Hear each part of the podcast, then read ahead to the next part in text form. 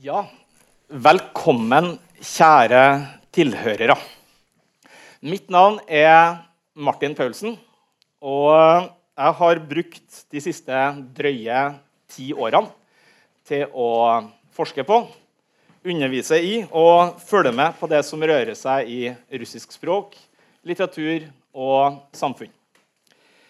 Eh, dagens møte er det første i ei rekke på fire lignende møter som vil ta oss fra det her eh, januarregnet og forhåpentligvis over i den gryende aprilvåren. Og eh, jeg kan jo bare avsløre med en gang, så det premisset er gitt, at jeg håper at denne turen fra dagens mørke januarkveld til en litt lysere aprilkveld, hvor det siste møtet skal arrangeres, også i ikke altfor fjern framtid kan stå som en metafor for utviklinga i forholdet mellom Norge og Russland. Fordi det er ikke til å nekte at forholdet mellom våre to land er anstrengt, og at det kanskje har nådd sitt absolutte lavmål i for perioden etter Sovjetunionens sammenbrudd i 1991. Uh, og det er, som jeg nevnte, så er det utsatt i kveld, så jeg håper at de som kommer nå etter hvert, at de også kan få hjelp til å finne plasser rundt omkring. Det er et par ledige plasser her fremst. og Hvis dere trekker innover mot midten der hvor det finnes ledige plasser lenger opp i auditoriet også, så blir det, så blir det plass til, til alle sammen. Tusen takk for det.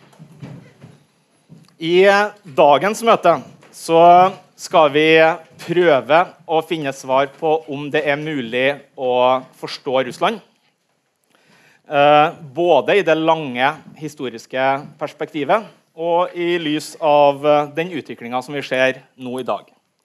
Og vi har med oss to av Norges fremste russlandskjennere. På min venstre og deres høyre side så sitter Julie Wilhelmsen som til daglig jobber på NUPI som russlandsforsker. Og på min høyre side så sitter uh, Halvor Kjønn, som uh, har jobba som utenriksjournalist i Aftenposten i en årrekke uh, med ansvar for Russland. Har vært Moskva-korrespondent. men som i dag er frilansforfatter. Og er også mann bak en av de bøkene som står utstilt her, og som det er mulig å få kjøpt etter arrangementet. Dere som var veldig tidlig ut med å kjøpe billetter, eh, så av programmet at eh, i utgangspunktet så hadde jeg også invitert Petter Nordmann Våge. Han kunne dessverre ikke møte opp, men eh, boka hans er til salgs. Så det kan være en erstatning for dere som savner han. Ta vel imot våre gjester.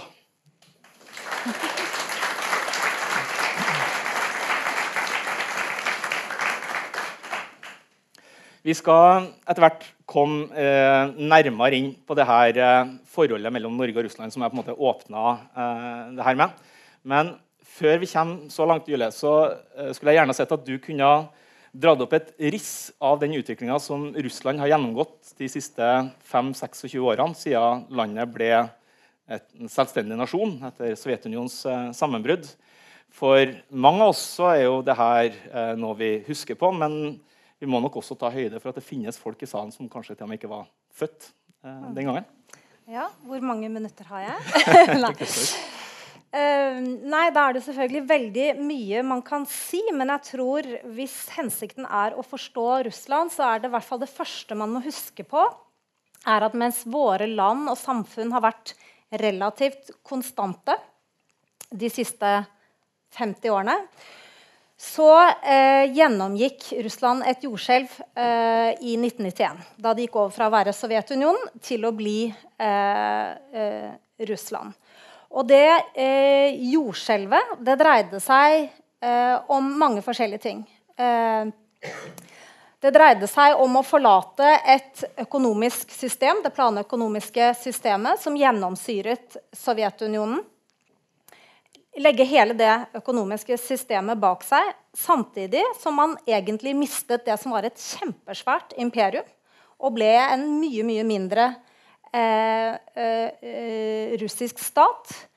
Og så mistet man også den, hva skal jeg si, den ideologiske overbygningen over eh, hva Russland skulle være. Hva som var drømmen om, om Russland. Eh, og nettopp dette spørsmålet, da, som er, tror jeg veldig viktig for alle stater, nemlig hva er Russland? Hvem er våre venner? Hvem er våre fiender? Og Hvis man ser idehistorisk tilbake i tid, så er den helt klare, viktige linjen det er nettopp spørsmålet om er Russland en del av Vesten, eller er det motsatsen til Vesten. Eh, og det eh, den politiske ledelsen i, i, Russland valgte på det tidspunktet, var å si eh, Eh, kommunismen, som var på en måte motsatsen til den vestlige eh, kapitalismen, den har vi lagt bak oss. Nå legger vi ut på en vei hvor vi blir del av Vesten. Og for det politiske systemet så innebærer det demokrati og, og markedsøkonomi. Eh, det som er interessant når man studerer russisk politikk, det er at det valget på øverste ledelsesnivå hadde helt fra begynnelsen av veldig, veldig svake røtter nedover i systemet. Eh, du ser det veldig raskt eh, hvis du tar en titt inn i Dumaen. Altså det er det, det russiske parlamentet. At eh, disse ideene om Russland som en hva skal jeg si, vanlig, normal stat hadde veldig dårlig fotfeste. Og så skal man også huske på at for befolkningen så var da dette tredoble jordskjelvet hadde eh, voldsomme konsekvenser for deres vanlige liv. Eh, og når du, når du, snakker om et tredobbelt jordskjelv, så da tenker du på Politisk eh, system, økonomisk system eh, og tap av dette imperiet. Altså mm. fra imperium til nasjonalstat. Mm. Eller nasjonalstat. Til en, en, en, russisk føderasjon som var mye, mye mindre. Um, og, og, det jeg tror er viktig Hvis poenget er da å forstå hva Russland er i dag, så er det nettopp at denne sammensetningen av eh, at ideen om at Russland skulle bli eh, et demokrati, en markedsøkonomi og en, og en vestvendt stat, ikke stakk veldig dypt i eliten, og at befolkningen oppfattet fordi dette tredoble jordskjelvet hadde så dramatiske konsekvenser. rett og slett for Om det var trygt å gå på gata, hvilket det ikke var. Om de hadde noe penger å kjøpe brød for, hvilket veldig mange ikke hadde. Og da forbandt man etter hvert eh, dette vestvendte prosjektet, og også faktisk disse slagordene, eh, eh, demokrati og markedsøkonomi, med den voldsomme utryggheten eh, man opplevde. Og jeg tror at det er på den eh, bakgrunn man er nødt til å forstå hvorfor eh, eh, det som jo har blitt Russlands store prosjekt, og, og, som har blitt veldig tydelig siden Putin eh, kom til makten som statsminister i, i 1999, som dreier seg om å eh, styrke eh, staten og kunne levere til befolkningen de materielle godene mer enn politiske friheter. Eh, og ikke nødvendigvis eh, blindt adoptere eh, vestlige verdier. Altså det, det, som skjedde for menneskene i Russland, og det svake fotfestet denne vestvendingen hadde i, i, eliten, forklarer på en måte hvorfor Putins prosjekt har blitt så utrolig populært. Mm. Eh, etter hvert. Um, så hvis at det blir så veldig vanskelig å ta dette kort. Men hvis vi skal, hvis vi skal si bare uh, Og det er viktig å si, uh, for det, det, må vi ikke glemme, og det er at det som på en måte var prisen man betalte for å skape og gjenskape den sterke russiske staten, som i bedre grad kunne skape, i større grad kunne skape eh, stabilitet og goder for, for befolkningen, det var eh, en, det Putin kalte maktvertikalen. Så det innebar egentlig ganske fra, fra, første stund i forbindelse med krigen i, i Tsjetsjenia i 1999 en innstramning av pressefriheten, en vingestekking av det russiske eh, overhuset og av Dumaen. Eh, og etter hvert, eh, spesielt fra 2003 og utover, at domstolene eh, ble en mindre uavhengig eh, instans. Det kan godt hende dere husker saken mot Khodorkovskij, som var en av de store russiske oligarkene, og som, fikk, si, som ble satt i fengsel gjennom en, en, en politisert rettssak. Så det som skjedde da, var på en måte at mens oligarkene hadde blitt de styrtrike oligarkene hadde blitt veldig mektige på 90-tallet, så fikk eh, Putin snudd denne maktrelasjonen på hodet. Så nå var det presidenten som også styrte over, eh, over oligarkene. Så det vi ser, og der vi kanskje misforstår litt, for folk snakker jo som om dette nettopp har skjedd. Som om det, dette skjedde jo liksom i 2012. Mens for meg som har studert det hele veien, så ser man jo ganske tydelig at denne enorme maktinnstramningen rundt presidentmakten, den, eh, den begynner eh, eh, veldig tidlig. Sånn at det at Russland har et politisk system som skiller seg veldig sterkt fra vårt, Eh, det er ikke, er ikke, noe som nettopp har skjedd. Det har skjedd gradvis over de siste eh, 15 årene. Så det du sier, eh, er at denne demokratiseringsprosessen og det er ønsket om å tilnærme seg mer vestlig, eh, en mer vestlig måte å organisere samfunnet basert på demokratiske prinsipper, som var et erklært mål mm. tidlig på 90-tallet, eh, det forsvinner på en måte gradvis fra ca. 2000 og og utover. Forstår jeg det riktig? Ja, det gjør det. For det at folk eh, opplevde ikke at det var positive eh, eh, positive ting, rett og slett. Det demokratiet man opplevde på, på 90-tallet, fremsto mer eh, som kaos enn eller dem, en eller annen demokratisk orden. Og så må vi huske på da, at den overgangen fra et totalt planøkonomisk system i Sovjetunionen til markedsøkonomi var, det var en hasardiøs eh, overgang. Eh, som da skapte disse enorme eh, forskjellene mellom fattig og rik eh, i Russland. Og det er kanskje en litt sånn banal, men viktig ting å huske på hvis man vil forstå Russland. Det er nettopp det at denne forskjellen, ekstreme forskjellen på fattig og rik er veldig fremmed. Russland er et, eh, et, et, mer et samfunn hvor ja, den som sitter på toppen, har mye makt, men ellers er man ganske like. Eh, og på 90-tallet så, så, ble det systemet eh, forrykket. Mm. Og Derfor ble Putin også veldig populær når han begynte å f.eks. Eh, ta pengene fra en mann som Khodorkovskij. Mm. Mm. Halvor, ja. Ja, jeg tror det, det Julie sa der om dette her med makt, eh, og makt som er på toppen, det er veldig viktig. For at Russland har jo alltid i sitt vesen vært et ustabilt landområde. Det har vært et imperium som har bredd seg ut. altså på 14, Fra 1400-tallet og til i dag så er jo omfanget av den, eh, av den russiske føderasjon, eller det russiske imperium, eller Sovjetunionen, kall det hva du vil, det har jo endret seg voldsomt. Norge er jo sånn stort sett mer eller mindre sånn som det alltid har vært. Eh, Russland er noe helt annet. Og det som har holdt dette sammen, det er da makten på toppen. Og Eh, fra tid til annen så har den makten da brutt sammen. Og Den brøt jo sammen på, etter Ivan eh, det grusommes død på slutten av, eh, av 1500-tallet. og så brøt den sammen i kjølvannet av første verdenskrig. Og så brøt den sammen på slutten av 80- og begynnelsen av 90-tallet. Fordi at da stoppet hele det kommunistiske systemet opp. Man kunne ikke gi folk, man kunne ikke dekke folks mest basale behov. Og de kommunistiske makthaverne de mistet jo på en måte sin legitimitet. Eh, landet ble kastet ut i kaos fordi at systemet sluttet å fungere slik det da hadde fungert siden Stalins tid. Og da eh, var det jo dessverre slik at befolkningen i Russland og da Jeg bodde jo der fra 1990 til 2001, eh, så jeg opplevde jo dette her med, med selvsyn. Og eh, befolkningen visste jo egentlig veldig lite om hvordan verden så ut. Men når du da snakket med folk og spurte hva vil dere ha nå, så sa folk det. Jo, vi vil ha det som i Sverige. Det er Sverige vi vil ha. Sånn vil vi ha det. Butikkene er fulle, alle har jobb osv. Livet er herlig. Alle kjører fin Volvo, alle har fint hus. Sånn vil vi ha det.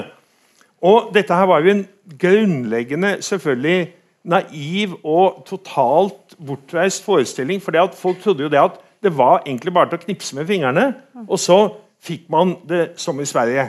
Eh, det man da ikke Og det er pga. veldig mye isolasjonen. Altså man, hadde vært, man, hadde jo levd isolert. Eh, og så plutselig våkner man da opp til at kommunistpartiet bryter sammen. Og så tror man da at overgangen til å gå fra eh, det kjedelige Sovjetunionen, det grå Sovjetunionen til det fenomenale Sverige det vil ta kanskje to eller tre år. Og så kommer vi fram dit. Da kommer vi til et lovede land.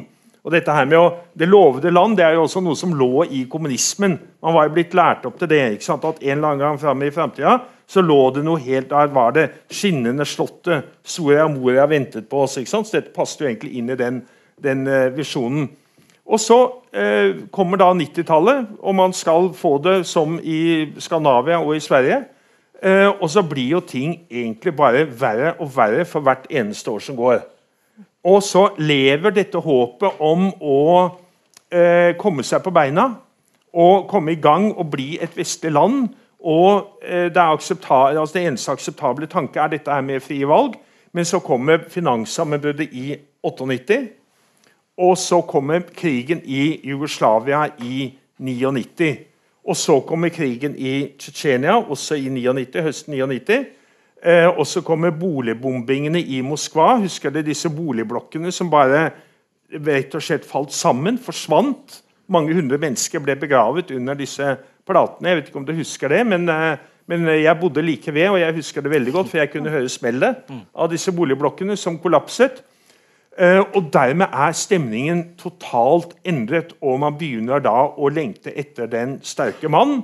Og så dukker det opp som eh, kanin av hatten eller troll av eske, hva du vil, eh, en mann ved navn Vladimir Putin opp og sier at 'jeg er den sterke mannen'. Og for å si det som amerikanerne sier 'the rest is history'. Så er vi der vi er i dag. Mm. Det er et litt interessant poeng med det her med den sterke mannen. For vi, vi, snakker både om en sterk politisk leder på toppen, og så snakker vi om et sterkt Moskva. Og du, Julie, Mye av din forskning har jo handla om forholdet mellom Moskva på den ene sida og en veldig aktiv region, Tsjetsjenia, eh, på den andre sida. Eh, hvordan ser vi på en måte det her forholdet mellom Moskva som sentralmakt og, og resten av Russland utvikle seg gjennom den, den samme perioden? Um, ja, nei, det blir egentlig litt, litt uh, samme historie. For um, i utgangspunktet så er det jo slik at både Sovjetunionen var uh, enormt, en enormt uh, stor multinasjonal og multireligiøs stat. Altså mange forskjellige konfesjoner. Og det var jo den russiske føderasjonen også. Mange forskjellige religioner, mange forskjellige republikker med drøssevis av forskjellige etniske minoriteter. Og etter at eh, Sovjetunionen brøt sammen, så forsvant som jeg sa, denne kommunistiske overbygningen, eh, ideologien. Og veldig mange av disse ulike små etniske gruppene begynte da å kultivere sine små eh, nasjonalismer, eller sine, sine, sine, etniske grupper, og, sin, og, og lete fram sin, sin, historiske arv. Sånn at dette denne usikkerheten, maktoppløsningen og kaoset jeg forsøkte å beskrive på, på 90-tallet som store deler av den russiske befolkningen opplevde, den speilet seg også i eh, relasjonen mellom sentrum og periferi eh, i Russland. Ved at mange av de som satt som ledere i Russlands føderasjons eh, mange føderasjonssubjekter, ble en slags småkonger mm. i forhold til, til Jeltsin. Og hadde, de, de het jo president, og dette gjaldt spesielt to republikker, Tartarstan midt i, eh, midt i Russland og, og Tsjetsjenia, hvor denne maktoppløsningen utover i, i, føderasjonen ble så kraftig at man eh, for Tsjetsjenias del eh, søkte selvstendighet. Altså Man ønsket å bryte ut og danne sin, sin, egen stat. Så det er klart at det er på en måte del av bakteppet for å forstå eh, eh, maktinnstramningen eh, som begynner i 2000. Det er nettopp også å virkelig samle eh, makten tilbake i, i Moskva og, og passifisere disse eh, regionene som potensielt kan, kunne blitt masse små stater, og som ville medført eh, som, som i hvert fall de russiske ledernes angst, som ville medført at du fikk, kunne få en lignende oppløsning som du fikk i Sovjetunionen, hvor plutselig de baltiske stater ble, ble selvstendige stater, akkurat som alle statene i Sentral-Asia osv. Så, videre. så det, det, er litt en parallell utvikling, og du kan jo si at den det første Putin gjør når han kommer til makten, er jo å starte denne andre krigen i Tsjetsjenia. Den kalles jo bare en antiterroroperasjon, men, men det er den jo ikke. Det, poenget med den krigen var jo nettopp å si at de grensene som går rundt Russland, de, de skal bestå. Og Tsjetsjenia det, det, har ingen uavklart eh, status. Tsjetsjenia er en del av Russland. Ikke snakk om noe annet. Og så tok man rett og slett militært kontroll eh, på den Eh, eh, republikken. Mm. Og per i dag så kan du jo si at eh, vi snakker stadig om at at, at, Moskva har full kontroll langs alle akser. Men i realiteten, hvis du følger litt nøye med på hva som skjer spesielt i Nord-Kaukasus, der, der Tsjetsjenia ligger, så er det jo potensielt sett et eh, område som kan forsvinne ut av, eh, av av Russland. Fordi at det er eh, masse små, eh, stort sett muslimske folkegrupper med veldig mye vonde minner og en stor trang til å, å ha, eh, leve sitt liv utenfor eh, russisk herredømme. Så i Tsjetsjenia har man jo ordnet det sånn nå at man har en slags um, tsjetsjensk mellommann, som man, som man, kaller det i, i imperielitteraturen, som man har kontroll på. Men i realiteten så har eh, Moskva ingen jurisdiksjon innenfor Tsjetsjenia. Det er det Ramzan Kadyrov som har. Han har eh, lov til å gjøre akkurat hva han vil inne i Tsjetsjenia.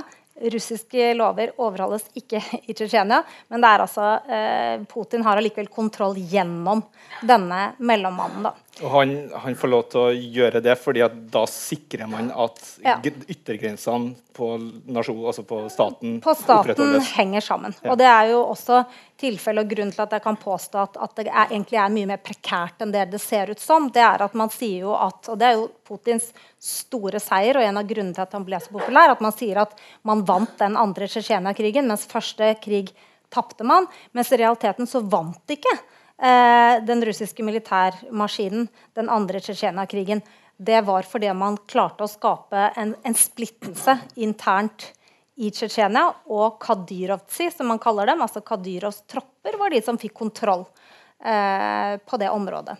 Så man har på en måte Man har outsourca eh, suvereniteten mm. over det, det eh, området. Mm. Og det er jo en av de store temaene som, som, går igjen nå når det gjelder eh, Russlands eh, engasjement i Syria.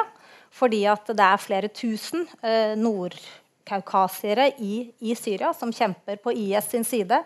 Eh, og det er jo del av begrunnelsen for, for hvorfor eh, Russland har bombet slik de har gjort i Syria. Det har sagt, Putin sagt helt eh, åpenlyst. Det er bedre å bombe disse terroristene der nede enn at de kommer hjem og skaper nye eh, løsrivelsesproblemer eh, i Russland. Mm, mm.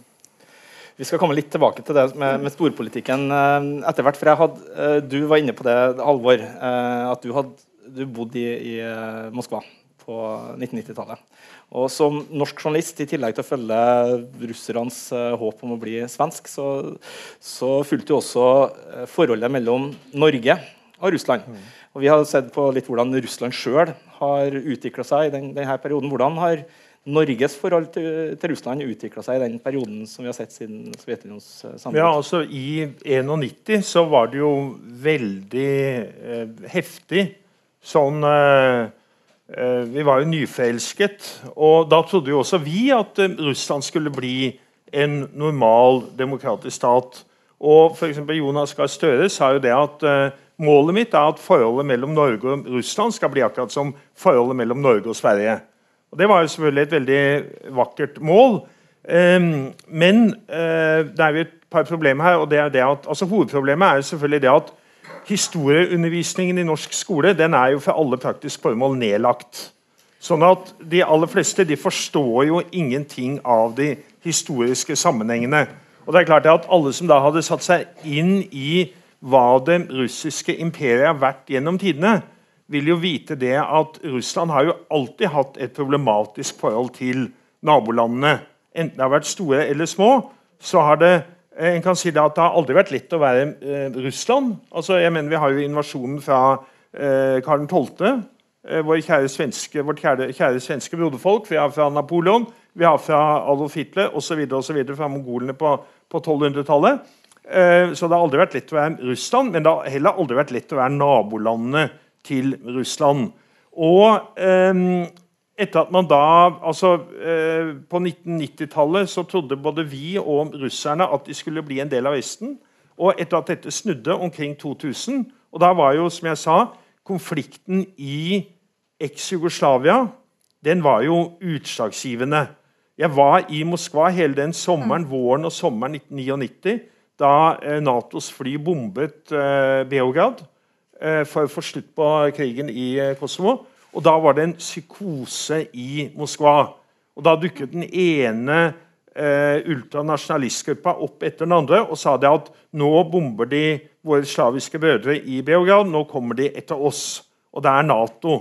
De kommer etter oss. sånn at Disse hvetebrødsdagene de varte jo da bare denne snaue tiårsperioden. Og Så begynte man jo da å tenke på eh, Russland som en egen sivilisasjon. Eh, Russland som noe annet enn eh, Vesten. Og så har jo da vi i Norge forsøkt å holde et godt og saklig forhold til Russland, for det er viktig for Norge. Altså Norge er medlem av Nato, men det er klart Norge kan jo ikke føre den samme politikk overfor Russland som f.eks. Portugal. Altså, altså Som den eh, politikken Portugal fører. Altså, vi er naboland til Russland, enten vi liker det eller ei. Og vi er nødt til å ha en naboskapspolitikk. Eh, men det er klart det at eh, eh etter da eh, invasjonen i eh, Ukraina Jeg kaller det en invasjon. Og anneksjonen av Krim. Så er det klart det ble vanskelig. Og det er jo noe av det som har preget norsk russlandsdebatt. Hvordan skal vi forholde oss til det? Eh, skal vi bruke eh, pisk, eller skal vi bruke gulrot, eller skal vi bruke begge delene? Eh, og Personlig er jeg tilhenger av at vi bruker begge delene, og ikke bare én av delene. Vi må både bruke pisk og gulrot, og så må vi håpe at det vil etter hvert eh, jenke seg til, og at vi kan komme til en eller annen ordning som vi kan leve med begge partene. Men enkelt akkurat nå er det ikke. Hvis ikke da eh, Donald Trump neste uke kommer opp med noe helt nytt som gjør det at uh, alt det vi har sagt, det blir da uh, helt irrelevant, og at det er en helt annen agenda uh, mellom Russland og Vesten. For det er klart, På lang sikt så er jo ikke Russland noe stort problem, for Russland er i ferd med å avfolkes. Ikke sant? Så på veldig lang sikt Nå tenker jeg på veldig lang sikt. Ja. Julie, vi har vært inne, altså Halvor drar opp denne eh, historien gjennom om det som i dag er et vanskelig forhold mellom Norge og Russland. I enkelte sammenhenger så, så, snakkes det om at vi er tilbake til den kalde krigen. Er det så ille? Uh, nei, altså det, det, blir på en måte misvisende å, å, snakke om at vi er tilbake til den kalde krigen, for det er så mange ting som er annerledes. Men det jeg syns er likt, uh, og som det uroer meg litt at folk ikke får øye på, det er noe av um, interaksjonsmønstre som har dukket opp mellom uh, Russland og Vesten. Eh, som, som, er ganske likt som under den eh, kalde krigen. Eh, og der tenker jeg at eh, når man står i en konflikt selv, så er det eh, så blir, så, blir, man fort så, så, mister man fort evnen til å analysere. Vi, vi ser på en måte den, den, russiske trusselen, og vi oppfatter ikke at det er et slags eh, eh, sosialt spill på gang her mellom eh, eh, Russland og, og Vesten. Eh, og det, det, sosiale spillet har for så vidt alltid, alltid, vært der, men det har blitt veldig heftig etter, eh, etter annekteringen av Krim. Nettopp fordi Russland, hele, som, som Halvor sier, spesielt siden 1999, men så i økende grad med Nato-utvidelser, med eh, krigen mot Irak, eh, med de såkalte fargerevolusjonene i eh, Ukraina og, og, Georgia i 2003 og 2004, så har Russland på sin side hatt en økende eh, oppfatning og uttalt den veldig klart om at eh, Nato og Vesten egentlig ikke vil oss vel.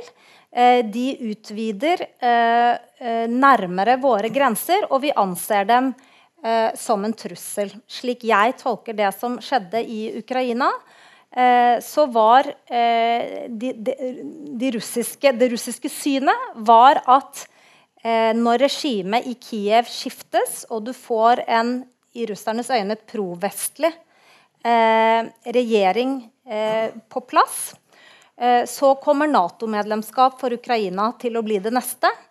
Og, og, det var den absolutt røde streken i forhold, forhold, til deres nesten hysteriske opptatthet av at de er i ferd med å bli omringet av, av Nato. At dette skjer gjennom disse utvidelsene og den type regimeskifter. Da. Mm. Um, og da gjorde de eh, brukte de alle redskapene i skuffen for å forhindre at det skulle være mulig. Bl.a. annekterte de Krim og brøt folkeretten på en eklatant måte.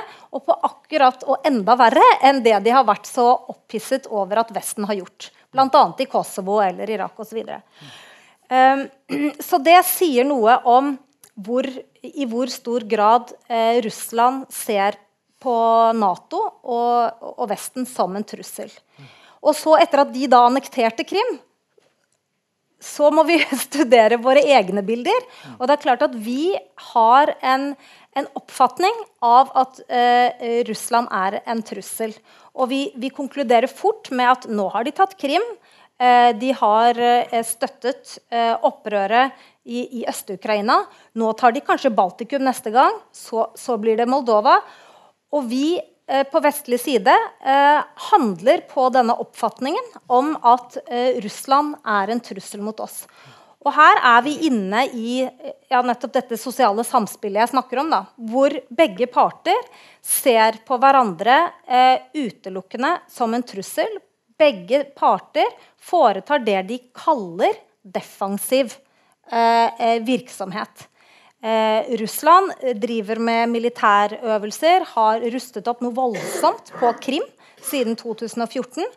Og Nato eh, på sin side vi har hatt, altså I vår hadde vi en øvelse med 31 000 soldater, Anaconda-øvelsen, i Polen, rett på grensen til Russland.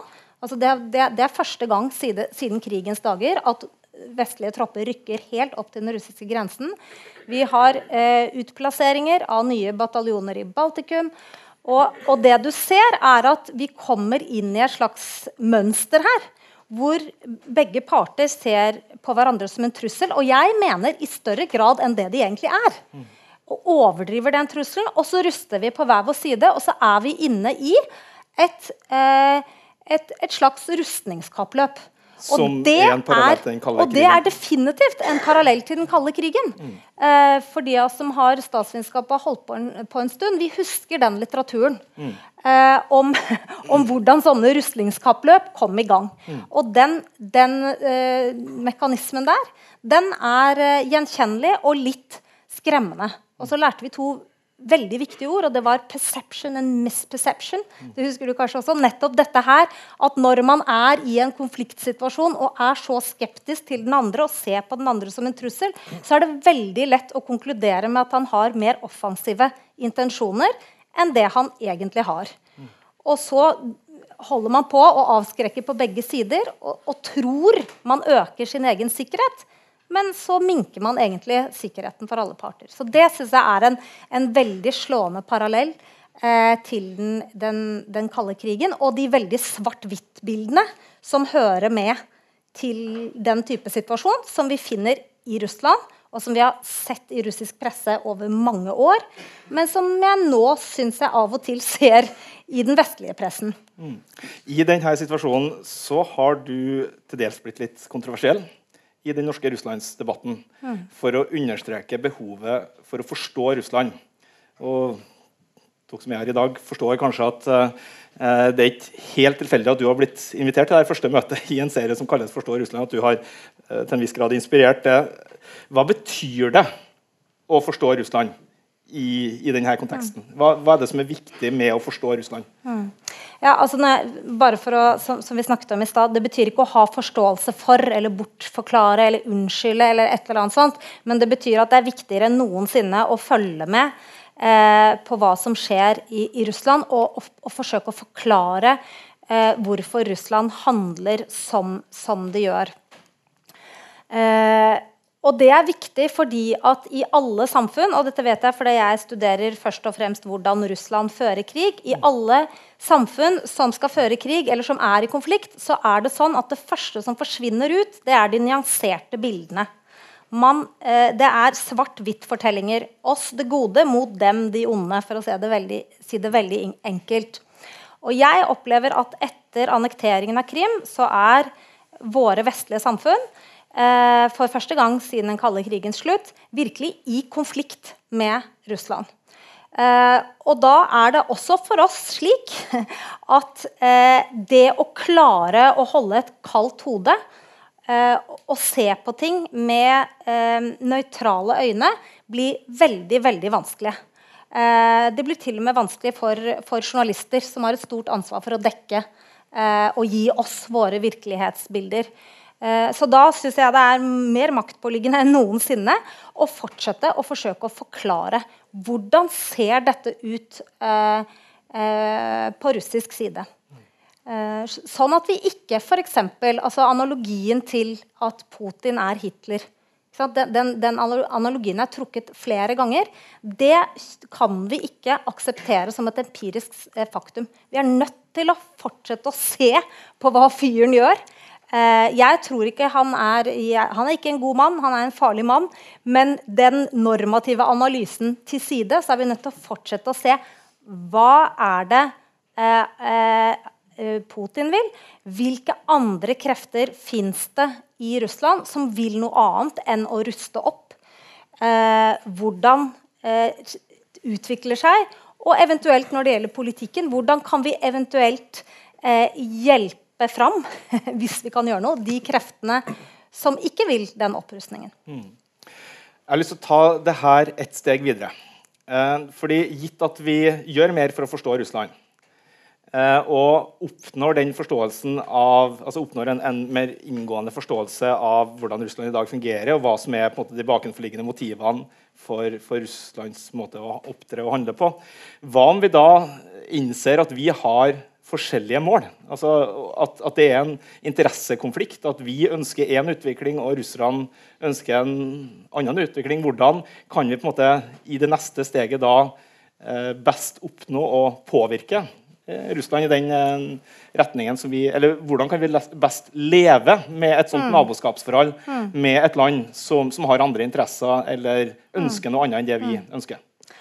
Jeg tror kanskje, altså Halvor var, var, inne på det. Jeg, jeg, jeg tror det, det, første er å gi slipp uh, på den drømmen om at Russland kommer til å bli som oss, og vi kan få dem til å bli som oss. Altså Det er på en måte den drømmen vi har hengt litt igjen i uh, på 90-tallet. Og på 90-tallet så hadde vi kanskje egentlig større anledning til å påvirke. Nå er Russland så i opposisjon til hele det vestlige prosjektet at jeg tror vi må stoppe å tro at det er vi som skal forandre eh, Russland. Og egentlig merkelappen på denne eh, politikken i utenrikspolitikken, det er en slags liberal intervensjonisme. En linje som bl.a. Hillary Clinton ha, har stått for. Nemlig vi kan intervenere i andre land og sørge for at de blir demokratiske osv. Eh, jeg tror at vi er nødt til å eh, legge den typen politikk bak oss, fordi jeg ser at den er kontraproduktiv. Jo mer vi dytter eh, på, på Russland nå, jo mer blir de mot oss. Mm. Vi har ikke den makten lenger. Vesten er ikke en magnet på den måten lenger. Mm. Men det vi da kan falle tilbake på, det kan virke kynisk, men det er en mer eh, tradisjonell realpolitisk måte å tenke på. Vi har våre interesser. De skal vi selvfølgelig beskytte. Russland har sine interesser. De kommer til å beskytte dem. Og når vi nærmer oss på en måte krigen, som vi gjør nå, så er vi nok nødt til å tenke eh, hvordan kan vi eh, deeskalere og kanskje rett og slett inngå et kompromiss for å unngå den krigen. Og det gjelder f.eks. Eh, Ukraina. Der og hvor, hvor, hvor er det kompromisset? Nei, altså jeg, jeg, jeg, tror kanskje at Og det er faktisk en del amerikanske tenketanker som akkurat har, har skrevet om disse, disse tingene nå på en, på en, måte som virker litt, nesten litt sjokkerende. Men jeg tror f.eks., selv om det er utrolig sårt å gi slipp på den drømmen om at f.eks. Ukraina må få lov å velge sin sikkerhetspolitiske tilknytning selv, fordi det er en suveren stat. Jeg tror kanskje at en sånn type hestehandel som OK eh, eh, Hvis dere trekker dere ut av Øst-Ukraina, så, så, kommer vi ikke til å tilby eh, Ukraina et Nato-medlemskap. Ukraina forblir på en måte eh, staten imellom. Den type eh, Kall det gjerne kynisk hestehandel. Eh, men jeg syns det er å foretrekke framfor en potensielt varm krig. Hvis vi nå hadde begynt å for sende våpen til Kiev. ikke sant? For Russland hadde ikke gitt seg. Det er jeg helt sikker på. De hadde, hadde stått på, og vi hadde fått en, en, en, varm krig i et land som allerede ligger med, med brukket rygg. Og der toucher det kanskje opp mot det som gjør deg så kontroversiell, nettopp det du sier nå om, om, eh, om eh, at det er en måte å løse vår konflikt med Russland på. At, at vi må på en måte ofre Ukrainas mulighet til å påvirke sin egen framtid og, og, ta det selvstendige valget om hvilken eh, ja. politisk retning eh. Men jeg tror ikke helt det er å ofre heller. For det tilfellet er at Ukraina dessverre som stat i dag ikke har en sjanse til å oppfylle de kriteriene som skal til for å bli Nato-medlem. Det er veldig strenge kriterier for å bli Nato-medlem. Uh, uh, og jeg er heller ikke sikker på om Jeg tror at vestlige land har gitt Ukraina falske forhåpninger. For slik jeg ser det nå, så er det eh, ingen som egentlig er villig til å betale prisen. Eh, eh, verken sikkerhetspolitisk eller økonomisk. Eh, som kreves for at Ukraina på en måte skal inn i, i, i den vestlige folden.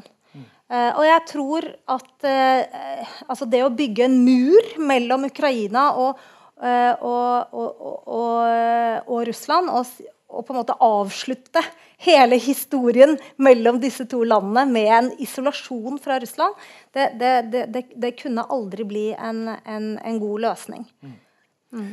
Vi, eh, det gjør meg vondt, men, men, vi er nødt til å forlate Ukraina-temaet. Eh, fordi at dagens Jeg vet det gjør deg vondt også, Halvor, å ikke få, få uh, komme inn, inn, i denne debatten. Men dagens tema er, er Russland. Og jeg ønsker at vi, vi skal gjøre et, et hopp nå fra, fra dagens uh, situasjon og til noe som du har uh, befatta deg veldig mye med som, som historiker.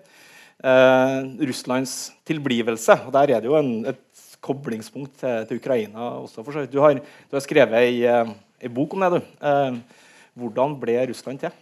Mm. Ja. Um, og det som er veldig interessant å se, er jo det at i begynnelsen så var jo eh, kontaktene mellom spesielt Skandinavia og Russland de var jo veldig tette. Og det er jo slik, og jeg mener jo det at det er jo ubestridelig, at eh, Russland ble jo grunnlagt av oss skandinavene. Altså Uten den eh, skandinaviske ekspansjonen, uten oppfinnelse av vikingskipet, uh, uten denne voldsomme uh, skandinaviske ekspansjonen utover hele det nordlige Europa på 800 900 1000-tallet, så hadde Russland i hvert fall ikke sett ut slik som den staten ble seende ut i middelalderen. For da kom jo vikingene, og det var jo vikingene som grunnla denne staten. Først da i Novgorod og siden i Kiev. Og Det man så da av denne staten, var det at eh, i denne perioden hvor det var dette veldig tette hopehavet mellom Skandinavia og Russland, så var det også et demokratisk element i den russiske staten. Akkurat som det var i de skandinaviske statene. Altså Man hadde tinget, eh, hvor da eh, altså Man hadde selvfølgelig fyrsten eller kongen, eh, og man hadde en adel, men man hadde også et ting hvor bøndene kunne stå opp og si det at 'jeg er uenig med kongen'. Og Dette er jo en veldig skandinavisk institusjon. Og dette tinget ble også da eh, ble en institusjon i eh, Russland, eller Kiev-Russ, som det het. Altså det landet som strakte seg fra Finskebukta og ned til Svartehavet. Sånn at eh, Middelalderen begynte jo veldig godt. og eh, Vi kan jo bare ved å lese sagaene, både de, altså de skandinaviske sagaene, men også de russiske kildene, så ser vi jo hvor tett dette personlige hopehavet var. Altså eh, alle eh, de norske eh, kongene som da oppholdt seg i Russland i middelalderen. Eh, giftermålene, de tette personlige kontaktene. Og hver gang en norsk konge da ble jaget fra landet, enten det var Olav Tryggvason eller Olav den hellige eller eh, eh Harald Hårråde, så søkte man tilflukt i Novgorod og Kiev. Det var det naturlige stedet. Og når man gjorde det, så kom man til sine egne. Og da snakket man skandinavisk ved hoffet, ved hoffene, fyrstehoffene i Novgorod og Kiev. Man snakket selvfølgelig slavisk, men det ble også snakket skandinavisk. Så så tett var da forbindelsen. og eh, Derfor kan man jo, hvis man drar omkring spesielt i det nordlige Russland, stadig vekk møte russere som sier at ja, vi kommer jo alle fra vikingene. Det er jo veldig hyggelig. Mm, mm. Uh, du har også gjort et poeng av ikke bare felles, de her felles kontaktene, men også at det var mange sider av forutsetningene for etableringa av en stat i denne delen av Europa. Altså karrige kår og kristendom og andre elementer som vi har til felles. Ja, vi har veldig mye til felles, og det ser man jo hvis man drar omkring, spesielt i det nordlige Russland, så ser man jo at veldig mye av eh, byggeskikken er jo veldig lik. Eh, og eh, veldig mye av folkloren er lik, og veldig mye av altså, disse folke, folkelige skikkelsene den gamle sankthansfeiringen osv. Veldig mye av dette var likt. Og den hedenske religionen var jo eh, sannsynligvis også veldig lik. Og overgangen til kristendom fant jo også da sted på samme tid. Olav Tryggvason, eh, en mann som grunnla en by som heter Trondheim, som du sikkert har hørt om, eh, han eh, vokste opp i Kiev. Og han vokste opp ved hoffet til fyrst eh, Vladimir den hellige. Og han var jo, må helt sikkert ha sett hvordan da fyrsten i Kiev forberedte overgangen til kristendom. Og Så drar han da ut av eh, Kiev, Russland, via Novgorod inn i Østersjøen til England. Eh, og Så kommer han til Norge i 995, og så skal han da iverksette det samme prosjektet i Norge som han da har sett er blitt iverksatt i Kiev, Russland, noen år i forveien. Mm. Men så, så, tok vi forskjellige veier. Ja, det gjorde vi. Og det er jo en del viktige ting. Altså, eh, det skandinaviske fyrstehuset fortsatte jo å herske i Russland helt til og med Ivan den grusommes død. Så fra 800-tallet til slutten av 1500-tallet så satt jo det samme familiedynastiet på, eh, på tronen. Altså i, gjennom 700 år. Og det er ikke alle bergensrederfamiliene som har klart å holde koken så lenge. Eh, mange av dem har gått eh, dukken etter atskillig kortere tid. Um, men uh, det som er viktig, er det at uh, Russland ble da ortodoks. Altså Russland hentet kristendommen ifra Hellas, ifra Konstantinopel, uh, som var en veldig, veldig autokratisk, altså selvherskende styrt stat. og så kommer jo da den store katastrofen, nemlig den mongolske invasjonen på 1240-tallet. Og Da blir jo store deler av det som var Russland, det blir jo ødelagt. Og det blir lagt i ruin. Og f.eks. Eh, Kiev, som var da en kjempesvær by, 40 000 innbyggere på den tida, blir jo da utslettet i løpet av noen få døgn. Altså, Det er jo eh, etter datidens forhold, hvis man spoler filmen tilbake, egentlig mye verre enn atombombingen av Hiroshima og Nagasaki eller ødeleggelsen av Tyskland. Altså, dette var jo en voldsom katastrofe da disse mongolske hordene kom inn fra det indre Asia og underla seg da denne staten, som jo hadde vært veldig sterkt knyttet til Vesten, og ikke minst til Skandinavia. Hva, fikk, hva slags betydning fikk akkurat den her, du, du nevner at den var liksom den utløsende eh, faktoren for forskjellen. på en måte. Hva, hva slags betydning fikk det for den videre utviklinga av, av ja, det som i dag har blitt Og Dette er selvfølgelig diskutert stolpe opp og stolpe ned av historikere de siste 250 årene. Hva var igjen av det gamle? Altså F.eks. I Novgorod så overlevde jo tingordningen i lang, lang tid. Novgorod ble jo styrt av et ting, Vetsje, som det het på russisk, i lang tid. Men i Moskva så etablerte det seg en veldig, veldig sterk herskermakt Kiev var jo da helt ødelagt. Kiev ikke, ble ikke gjenoppbygget før lenge lenge etterpå. Men i Moskva så dukker da opp en veldig sterk herskermakt. Og denne herskermakten den tar da etter hvert knekken på mongolene. Men prisen for å ta knekken på mongolene den er veldig høy. fordi at man må være like eh, maktfullkommen, man må være like brutale, man må være like autoritære som det den mongolske herskeren var. Og som du sikkert vet, ved hoffet til Djengis Khan der var det ingen motstemmer, der var det ikke noe folkelig ting. Der var det ikke noen som kunne stå opp og si det at 'hallo, jeg, jeg er uenig med khanen'. Der var det det totale eh, autokratiet, selvherskerdømmet, som hersket. Og etter hvert blir da makten i Moskva den blir da like autokratisk, like selvherskende, eh, like altså totalitær som den mongolske makten var det. Og Så blir jo da Moskva-fyrstedømmet en svær suksess, fordi man nedkjemper jo og tar knekken på alle disse eh, eh tartar-mongolske etterfølgekanatene, eh, som da var på ulike steder, bl.a. i, i eh, Kazan, i Astrakhan og til slutt på Krim. Man tar knekken på dem, og dette Moskva-fyrstedømmet det begynner da å bre seg ut. Men når det da virkelig begynner å bre seg ut, så er det ikke noe demokrati. Det er da et fullstendig eh, eh autoritært, eh, autoritær herskermakt som mer eller mindre i, eh, i eh, befolkningens øyne er av guddommelig art. Og legg merke til én ting. En vanlig russer på den tid, helt opp til 1917, sa 'du' til tsaren. Og hvorfor sa han 'du' til tsaren?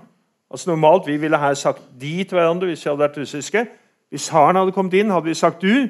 Jo, fordi at tsaren er så nært man kan komme Gud. Og man sier 'du' til Gud. I, I, det du beskriver nå, så blir på en måte det Russland vi kjenner i dag, med Moskva som sentrum, etablert på ruinene av eh, Eller etter at man har klart å kvitte seg med det her mongolåket. Da, da, oppstår på en måte den, det Russland som utvikler seg til det Russland vi kjenner i, i dag. hvis jeg forstår det riktig. Ja, det, det gjør det. Og eh, så er jo da problemet hva, hvordan skal man da, hva skal være det ideologiske grunnlaget for denne staten? Og I begynnelsen så går det veldig fint, for da er det jo, er det jo eh, herskerens allmakt. Eh, og dette mandatet fra Gud, altså den lille far på jorden, den store far i himmelen, men tsaren er den lille far på jorden, eh, som hersker over oss alle. Eh, og Så kommer vi da til 1800-tallet, eh, og så ser man jo det fordi at adelen hadde jo da etter hvert utover 1700-tallet Adelen fikk jo pålegg om å lære sine barn fransk, f.eks. Og adelen begynte å kle seg i vestlige klær og begynte å, å dra på badetur til eh, Baden-Baden og til, eh, til eh, Karlovy Vary, altså Karlsbad osv. Og, så videre, og, så og begynte å, etter hvert på 1800-tallet begynte man å dra på kasinoene i Nis og Monte Carlo. Eh, og man så jo det at i alle vestlige land så fikk man etter hvert en konstitusjon. Man fikk en grunnlov, og man fikk et parlament, og man fikk stemmerett. Og herskeren måtte dele sin makt med folket. Og så skjer da ikke det i Russland.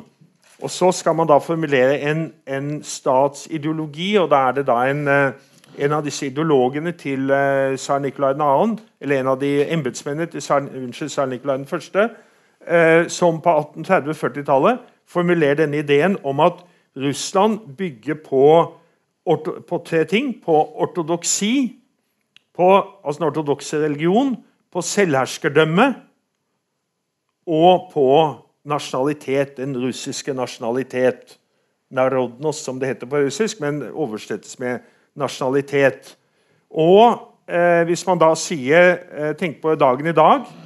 Eh, ortodoksien, maktvertikalen og den russiske nasjonalitet, så er man veldig, veldig tett opp til det som er Putins formel for å styre den russiske stat.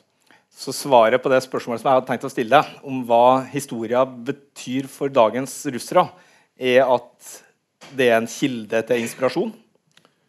Ja, altså man, eh, Etter at man da den vestlige modellen slo feil, Eh, og den vestlige modellen slo feil ikke bare fordi at folk ikke hadde mat å spise. Altså Folk på 90-tallet Jeg levde jo da som sagt i Russland gjennom hele 90-tallet og så jo veldig mange, ikke minst veldig mange intellektuelle. altså Folk som hadde vært professorer, folk som hadde hatt en høy stilling i det sovjetiske samfunnet. Plutselig, når vi kommer til 92, 93, 94, så vet de ikke om de har mat til barna sine neste dag. Eh, og det er klart, Dette var jo, dette var jo utålelig. Og eh, den vestlige modellen kommer da i miskreditt, ikke minst fordi at alle de som var talsmenn for den vestlige modellen, de begynte jo å stjele. Altså Så fort sovjetsystemet bøt sammen, og lovløsheten bredde seg, og partiets allmakt forsvant Og legg merke til én ting. Man kan si veldig mye om Leonid Brezjnev og regimet hans, men familien til Leonid Brezjnev samlet seg aldri opp noen formue i Sveits. Aldri. Faktisk ikke. Det er risikabelt å si noe pent om kommunismen, men jeg, jeg våger det. Og det er, det, er, det er, et forsonende trekk. Med en gang de såkalte demokratene kom til makten etter 91, 91 så begynte de å stjele av staten. Alle som én. Og hele den sovjetiske privateiendommen ble da delt ut til eh, disse, altså omgivelsene til Jeltsin. Eh, og det er klart Dette utløste jo en, en voldsom frustrasjon og en voldsom motvilje i folket. Eh, som om eh, dere våkner opp i morgen, og så kan dere lese i Bergens Tidende at eh, Statfjordfeltet er eid av Stoltenberg-familien, og Ekofiskfeltet er eid av Solberg-familien, og osv. osv. Gahr Støre-familien har da et eller annet annet felt der ute. Slik, var, slik er det. Slik var det, og slik er det. Og, og det er klart det at en, en, kan jo ikke få tillit til et sånt system. Det er jo helt umulig. Og Så kommer da Putin og sier at nå skal jeg gjeninnføre orden. Og så er det jo eh, sammenlignet med sånn det var på 90-tallet, en viss orden på tingene. Og Det er jo Putins beste argument. for Hvis han møter da et eller annet, han møter en journalist som er litt obsternasig og stiller noen ubehagelige spørsmål, så sier bare Putin å ja, du vil ha det som på 90-tallet, du, ja. Ja, ja. Ikke sant? Og dermed er han parkert. Fullstendig parkert. Ikke sant? For ingen vil ha det som på 90-tallet. Alt er bedre enn på 90-tallet. Eh, og dessuten så hadde jo Putin forferdelig flaks, fordi at da han overtok, så begynte oljeprisen å stige. Det er et sånt historisk sammenfall det sammentreff som ingen eh, egentlig kunne noe med.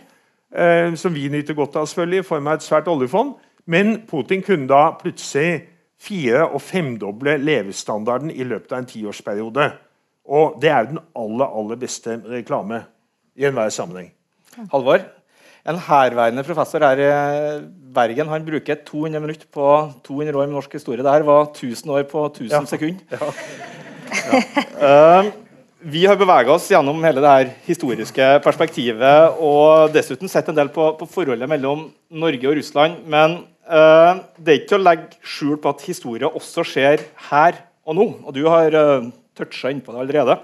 Eh, ikke minst i forholdet mellom stormaktene. Eh, fjoråret brakte med seg mange hendelser og utviklingstrekk som enten bidrar til eller er symptomer på at det er ganske store endringer på gang i forholdet mellom verdens stormakter.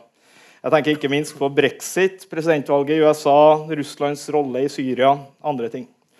For oss i Norge så ble det snakk etter hvert om at 2016 eh, var et slags annus horribilis. Altså et uh, år når alt sammen gikk uh, galt.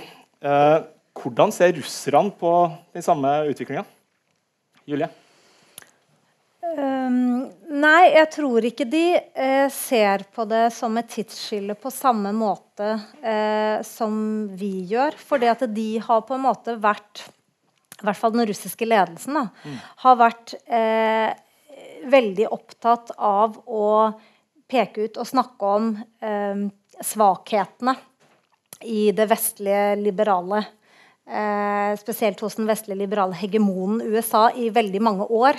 Så på en måte så er det som om noen av disse tingene vi ser skje nå, er, er manet fram litt i, i, i, eh, i det russiske eh, narrativet. Og så tror jeg som sagt altså, Det som jo er del av dette annus eh, horribilis, er jo nettopp at vi eh, har fått øye på i hvilken grad Russland avviser eh, den, den, vestlige orden.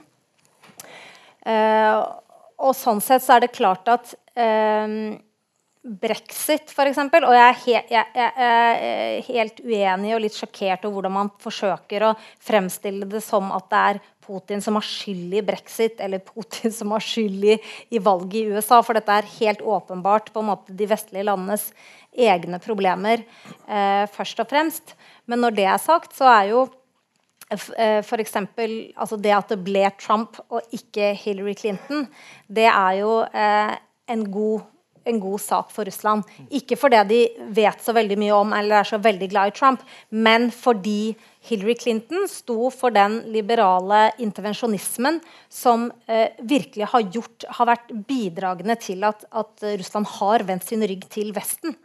Um, sånn at ja, jeg tror Russland er, er glad for, uh, for at det ble, ble, Trump, mest av alt fordi det ikke ble, ble Clinton, egentlig. Mm. Edjon, ikke om du har noe innspill på um, I 1523 så var det en abbed i et uh, kloster i Peskov som sendte et brev til uh, storfyrsten i Moskva, som het Vasilij 3. Og Da skrev han det at eh, to Roma, altså det egentlige Roma, og Konstantinopel er falt. Ikke sant? Roma falt jo til barbarene i 476. Eh, Konstantinopel falt, eh, falt til muslimene i 1453. To Roma er falt, men det tredje det står, det er Moskva, og et fjerde skal ikke komme. Og Dette var jo teorien om det tredje Roma. Moskva som den byen som skinner over hele jorden, fordi at Moskva er da sentrum for den sanne kristendom. Og dette lå veldig sterkt under store deler av tsarperioden. Så kommer jo da eh, kommunistene, og de skal jo også skinne over jorden. Ikke sant? De skal bringe verdensrevolusjonen. Og Så grunnlegger de da den tredje internasjonale. Ikke det tredje Roma, men den tredje internasjonale. Og så eh, da, eh, så faller kommunismen, så kommer det en periode med ti års eh, kaos. Og så gjenoppliver man denne teorien om Moskva som det tredje Roma, som sentrum for den egentlige, sanne kristendom. Som den, det, den stjernen som skinner over verden, altså jf. disse stjernene på, på, på Kreml. ikke sant? og at det er da Moskva som er den egentlige, sanne eksponent for den kristne verden.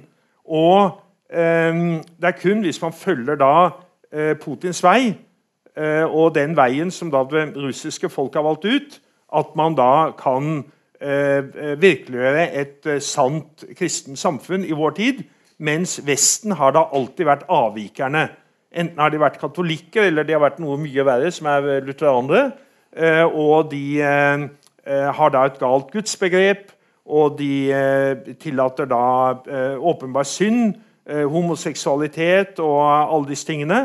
Og det samfunn er i ferd med å gå til grunne under denne moralske krisen. Og mot dette står da Moskva som den ene sanne eksponenten for da den eh, sanne religionen. Og dette er da ganske utrert, men du finner da faktisk folk i Moskva som hevder dette i fullt alvor, og som blir tatt alvorlig og som har da gjenklang.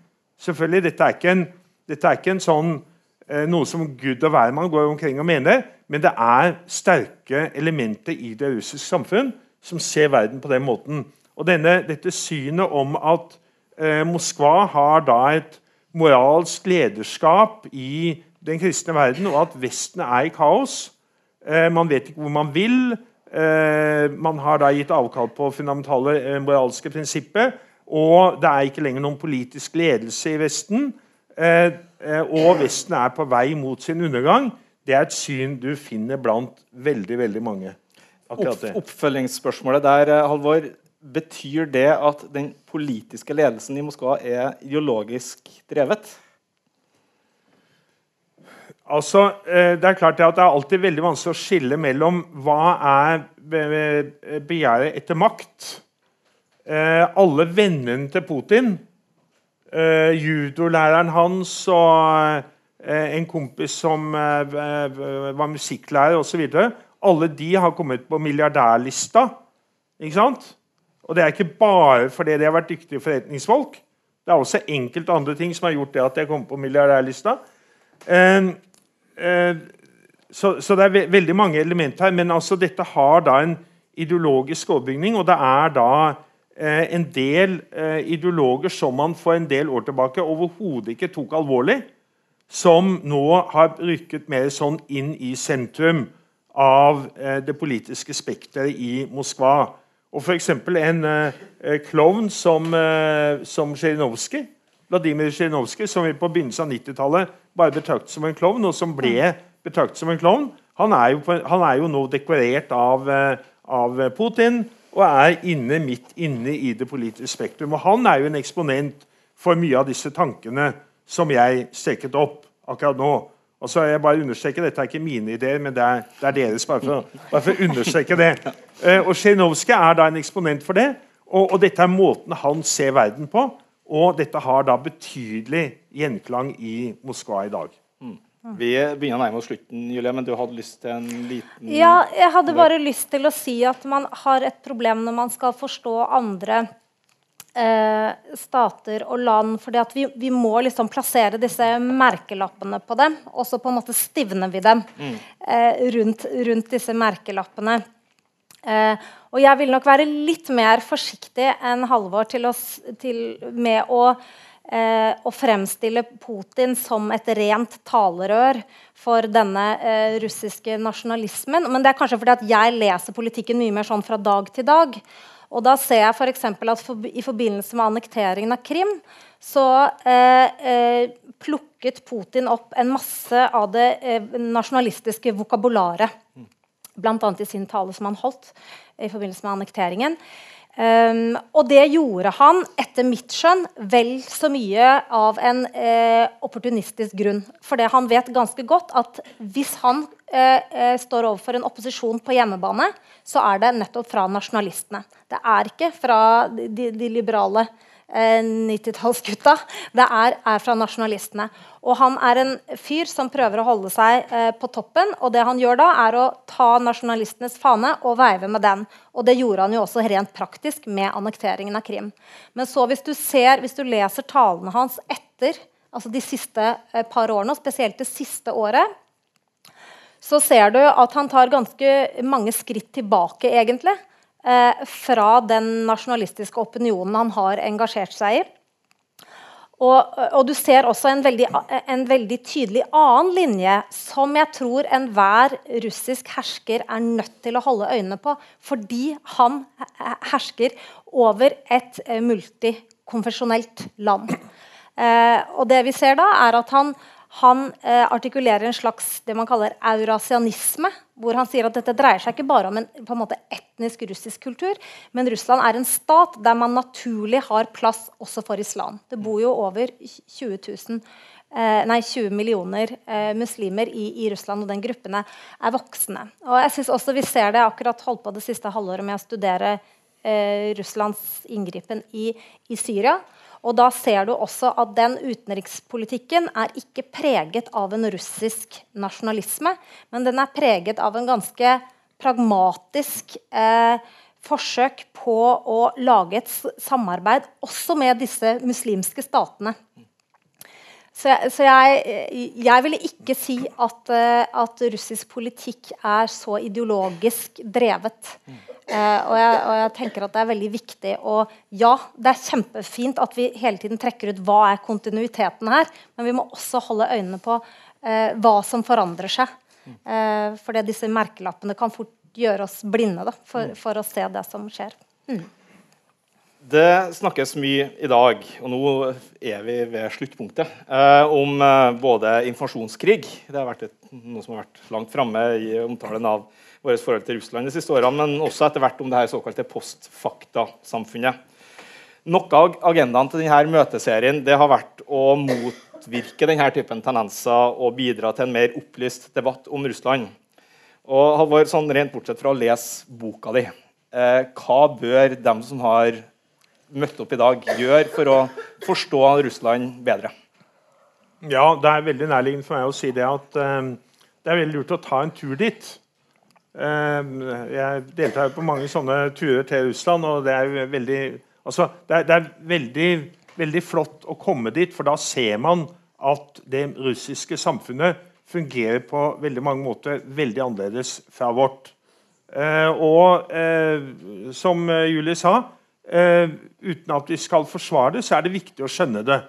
Altså Hvis man ikke skjønner det at Hvis man tror det at uh, politikk i Russland og samfunnsliv i Russland dreier seg om det muliges kunst, dreier seg om kompromisser, dreier seg om å, å mikke til eh, overenskomster som alle kan være enig i, og slike ting, så tar man feil.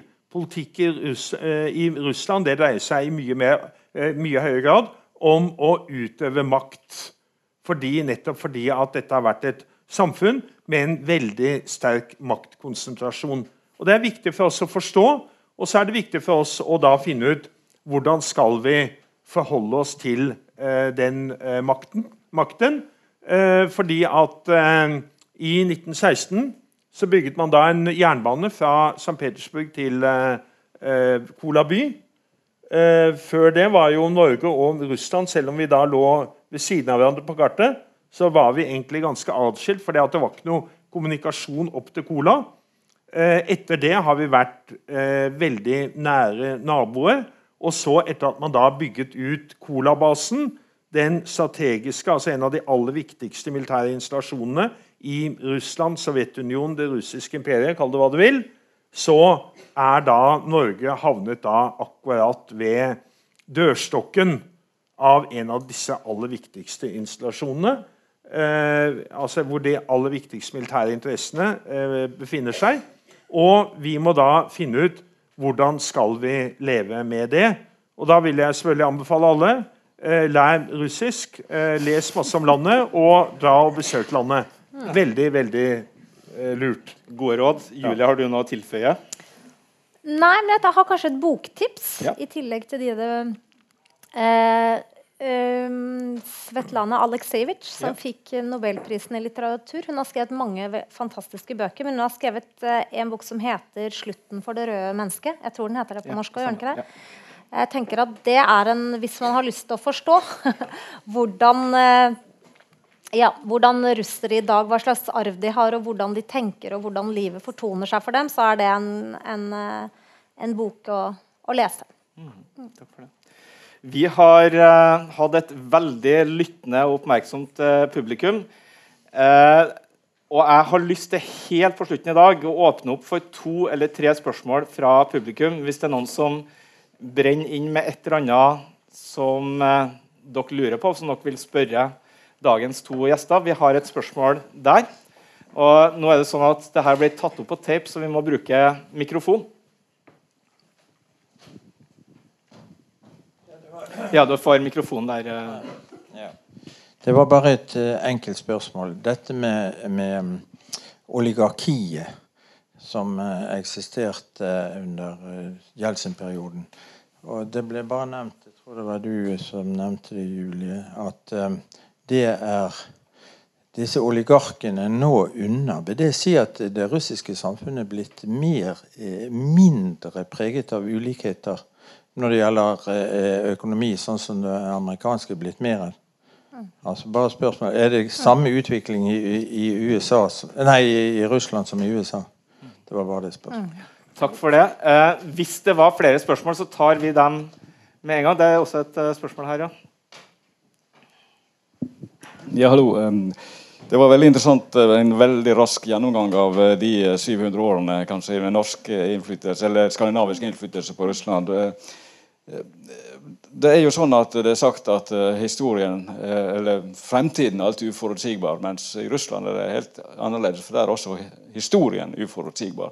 Kan eh, spesielt Halvard Kjønd kommentere dette nå som skjer i Russland, der en forsøker å omdefinere den skandinaviske innflytelsen på Russland gjennom filmer, gjennom utstillinger, gjennom store liksom, interaktive utstillinger som skal spesielt ta for seg skolebarns eh, forståelse av den russiske historien, og ikke minst den glamoriseringen av, av både fyrster og, og si, de store keiserne og, og alle som har hatt en, en, en maktstemme i, i uh, historien framover. Helt fram til våre dager. Og så var det litt interessant det siste, at det var jo egentlig da nesten at det, uh, den skandinaviske, den siste slekten av den skandinaviske uh, kan si, bondet da, i Russland var den som tok knekken på Novgorod. Mm. Mm. Mm. Ja, et aller siste spørsmål, hvis det er noen som Ja, vi har et uh, der oppe. Vi tar det siste spørsmålet der. Om uh, Putin skulle dø i morgen, er det en naturlig arvtaker? Eller vil det kunne skje en oppmykning mot Vesten? Vil det oppstå et maktvakuum? Ja. Mm, ja. det var tre spørsmål og, som det er mulig å svare på. Mm. Vil du, uh, var det du som nevnte ja. med oligarkene, Julie? Ja. ja. jeg kan svare kort. nei, altså Forskjellene er jo reelt sett like store. Så poenget mitt var egentlig bare at de oligarkene som før kunne diktere politikk, og som gjorde det under Jeltsin, fikk helt klar beskjed eh, fra Putin om at de får ikke lov å eh, blande seg i politikken. Så eh, veldig mange av disse oligarkene har fått beholde sine penger, men de blander seg ikke i politikken. Og etter hvert så har det faktisk også kommet krav fra regimets side om at de f.eks. skal nasjonalisere, altså at de skal holde pengene sine innenfor Russlands grenser i større grad. Så, så det, det, er det, det, er det, skiftet som har skjedd. Det er ikke at, uh, at forskjellene er utjevnet. Og det er nettopp uh, et, et, stort problem for Putin nå. Fordi at uh, det er dårligere økonomiske tider. Uh, og det betyr at disse forskjellene blir på en måte politisert igjen og, mer prekære. Derfor har de jo nettopp kuttet 27% i forsvarsutgiftene for å putte dem inn i sosial, den sosiale potten for å avverge at bunnen virkelig begynner å røre på seg, som nok er Putins største angst, egentlig. For det er jo der grunnfjellet hans er. Det er jo det russiske folket, egentlig. Mm. Uh, og så til det spørsmålet der oppe. Uh, hva ville skje hvis uh, Putin forsvant? Jeg tror, sett fra Vestens side, skuffende lite. det er klart, han er jo en, en spesielt slu politiker. så hvor mye av systemet som avhenger av hans evner til å holde ting sammen, er vanskelig å si. Men, men stort sett så er det eh, dessverre slik at dette maktvertikalprosjektet har, har relativt stor støtte i den, i den russiske eh, befolkningen. Og som jeg sa, at Putin ofte mer pragmatisk speiler det som rører seg i Russland, enn at det er han som, som styrer alt sammen. Så jeg er, er jammen ikke sikker på hvor, uh, hvor, annerledes det ville bli hvis han forsvant. Og, og, kanskje noe av grunnen til hvorfor man skal følge veldig nøye med, er at du kan fort se for deg uh, alternativer til Putin som er eh, mindre pragmatiske, for å si det sånn. Altså så Hadde du fått Rogozin, som, som Halvor nevnte, som sjef, det, det er langt mer uh, uforutsigbart og, og, skummelt faktisk enn en Putin. Mm. Det var et uh, historikerspørsmål, ja. og du har kanskje lyst til å svare på det ja. med Putin også? Men uh, det, jeg pleier å si det når det gjelder da i veldig korthet forskjellen mellom f.eks. Russland og Norge, så er det slik at hvis da 100 nordmenn uh, endte på ei øde øy, så ville, hadde de sagt det at klokka fem er det allmøte, og da skal vi ha avstemning og så skal vi bestemme. Og så skal vi finne ut hvordan vi skal styre oss. ikke sant? Det er helt naturlig for oss nordmenn. Eh, så er da naboøya, der havner det 100 russere, og de kommer da til å si eh, klokka fem så samles vi, for da finner vi ut hvem som er sterkest. Ikke sant? Det er en helt annen måte, helt annen måte å tenke på. Dette er litt karikert, men jeg tror det at det er, i hvert fall etter at jeg har levd ti år i det landet, så mener jeg at det er en kjerne av sannhet i det. Og eh, når det gjaldt det med oligarkene, helt enig med det Julie sa. Eh, altså Oligarkiet finnes jo, det økonomiske oligarkiet finnes jo. Det er bare at nå er det underordnet Putin. Og i mye mye større grad så er det jo vennene til Putin som da utøver dette oligarkiet. og som blir utnevnt til milliardærer eller eh, alt et som, eh, og som da får del av denne, fordel den kaka. Og det er klart det var jo et problem hva skulle man gjøre med den sovjetiske, enorme sovjetiske statseiendommen da Sovjetunionen forsvant. Eh, skulle vi gi den bort til utlendingene? Det fant vi ut at det skal vi ikke. Og så endte det med at man ga det til oligarkene. Så var det kaos under, under Jeltsin, men Putin han sa da til oligarkene, som Julie sa, eh, bare dere er lydige, så skal dere få beholde pengene deres. Og det har de stort sett forblitt.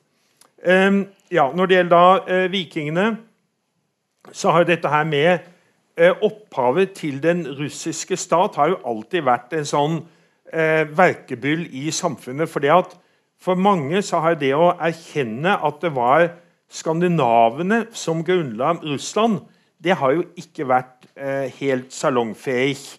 Eh, la oss si det at vi hadde da en eh, versjon av norsk historie eh, som het da at det var da en gjeng med kinesere som hadde dukket opp eh, i f.eks. i eh, Bergen og grunnlagt den første norske stat. Ikke sant? Det er sikkert mange som da ikke hadde syntes det hadde vært helt enkelt. Eh, og eh, Derfor har også dette her med skandinavenes rolle i grunnleggelse av den russiske stat har vært da svært svært vanskelig, og det har vært et omstridt kapittel i faktisk siden midten på 1700-tallet, altså da den moderne historievitenskapen eh, var i sin spede begynnelse. Da var det et rabaldermøte i det russiske vitenskapsakademiet, eh, hvor, det, hvor man da skjelte hverandre ut Eh, den ene og den andre parten nettopp pga. dette. Eh, og eh, under, selvfølgelig I sovjetperioden og under Stalin så var det jo, hvis man hevdet det, så om man var da skolelærer eller man var professor på et, på et historisk institutt, så ble man jo bare sendt langt, langt av sted og endte sitt liv i en blygrue i det østlige Sibir eller et eller annet slikt sted. Eh, og f.eks. denne eh, systemavvikeren Andrej Amalrik, som kanskje noen husker, han som skrev boka 'Vil Sovjetunionen overleve til 1984?' Nei, 19, eh, ja, 1984. Han skrev vel den i 1978-77. Og da ble jo boka sett på som en vits. Og Sovjetunionen overlevde da til 91. Han tok feil med, med sju år, altså. Ikke sant? Men han var da eh, historiker fra universitetet i eh, Moskva. Eh, og Han skrev da en avhandling om vikingenes rolle i grunnleggelse av den russiske stat. Og ble selvfølgelig kastet på hodet ut av instituttet og fikk ikke så mye som en, en eh, eh, lærerjobb i en landsbyskole etter det. Og måtte jo selvfølgelig da eh, emigrere til Vesten etter hvert, da hvor han dessverre døde i Eh, eh, på, eh, på 70-tallet. Så, så, dette har vært omstridt. Men hvis man kommer til spesielt Novgorod og til det som var den første vikingbyen, gamle Ladoga, Staria Ladoga, der har man jo et eh, historikerlaug som er veldig entusiastisk med å ta vare på denne vikingarven. Eh, og eh, det sittende regimet har litt sånn motsigelsesfull holdning til dette. Og Nå kom det jo akkurat en film om, eh, om den russiske fyrst eh, eh, Vladimir, var det vel? Eh, og den heter jo 'Viking'. Ikke sant? Eh, ganske blodig sak, men det var jo om hvordan eh, de russiske fyrstene hersket ved hjelp av disse vikingarmeene, og hvordan de holdt seg ved, ved makten. Altså etter den egentlige grunnleggelsen av en russisk stat, men men mens man da kjempet om makten, og herskerne i Kiev var helt avhengig av stadig tilførsel av krigere fra Skandinavia, noe som også er helt i samsvar med det de gamle både nordiske sagaene og de eh, russiske kildene har hevdet om dette. Så eh, Om man holder seg til de eh, skriftlige kildene som vi har, så er det ingen tvil om at eh, skandinavene spilte en veldig viktig rolle. Og en, eh, jeg vil påstå, eh, alt sett under ett, en veldig positiv rolle eh, når det gjaldt da grunnleggelse av den russiske stat. Og som en, en kollega av meg i Novgorod sa en gang, som vi diskuterte dette Det kan jo ikke være noe skam for oss russere å påpeke at vi er i familie med skandinavene. Det var en fin avslutning. Jeg vil med det takke for dagens uh, møte. både til alle dere oppmerksomme tilhørere og til de to gjestene, Julie og Halvor. Jeg minner om at det er et nytt møte om Russland. Eh, Forstå Putin den eh, 21.2. Samme tid og samme sted. Eh, Da har jeg invitert Øystein Bogen og Bjørn Nistad eh, til å snakke om mannen som de begge to har skrevet en bok om. Billettene er allerede til salgs. Eh, og det gjelder også bøkene som de to har skrevet, og boka til Halvor, som vi nettopp var inne på. I tillegg til Petter Normann Våges eh, bok eh, om Russland. Så kjøp og les og forstå Russland enda litt bedre. Takk for i dag.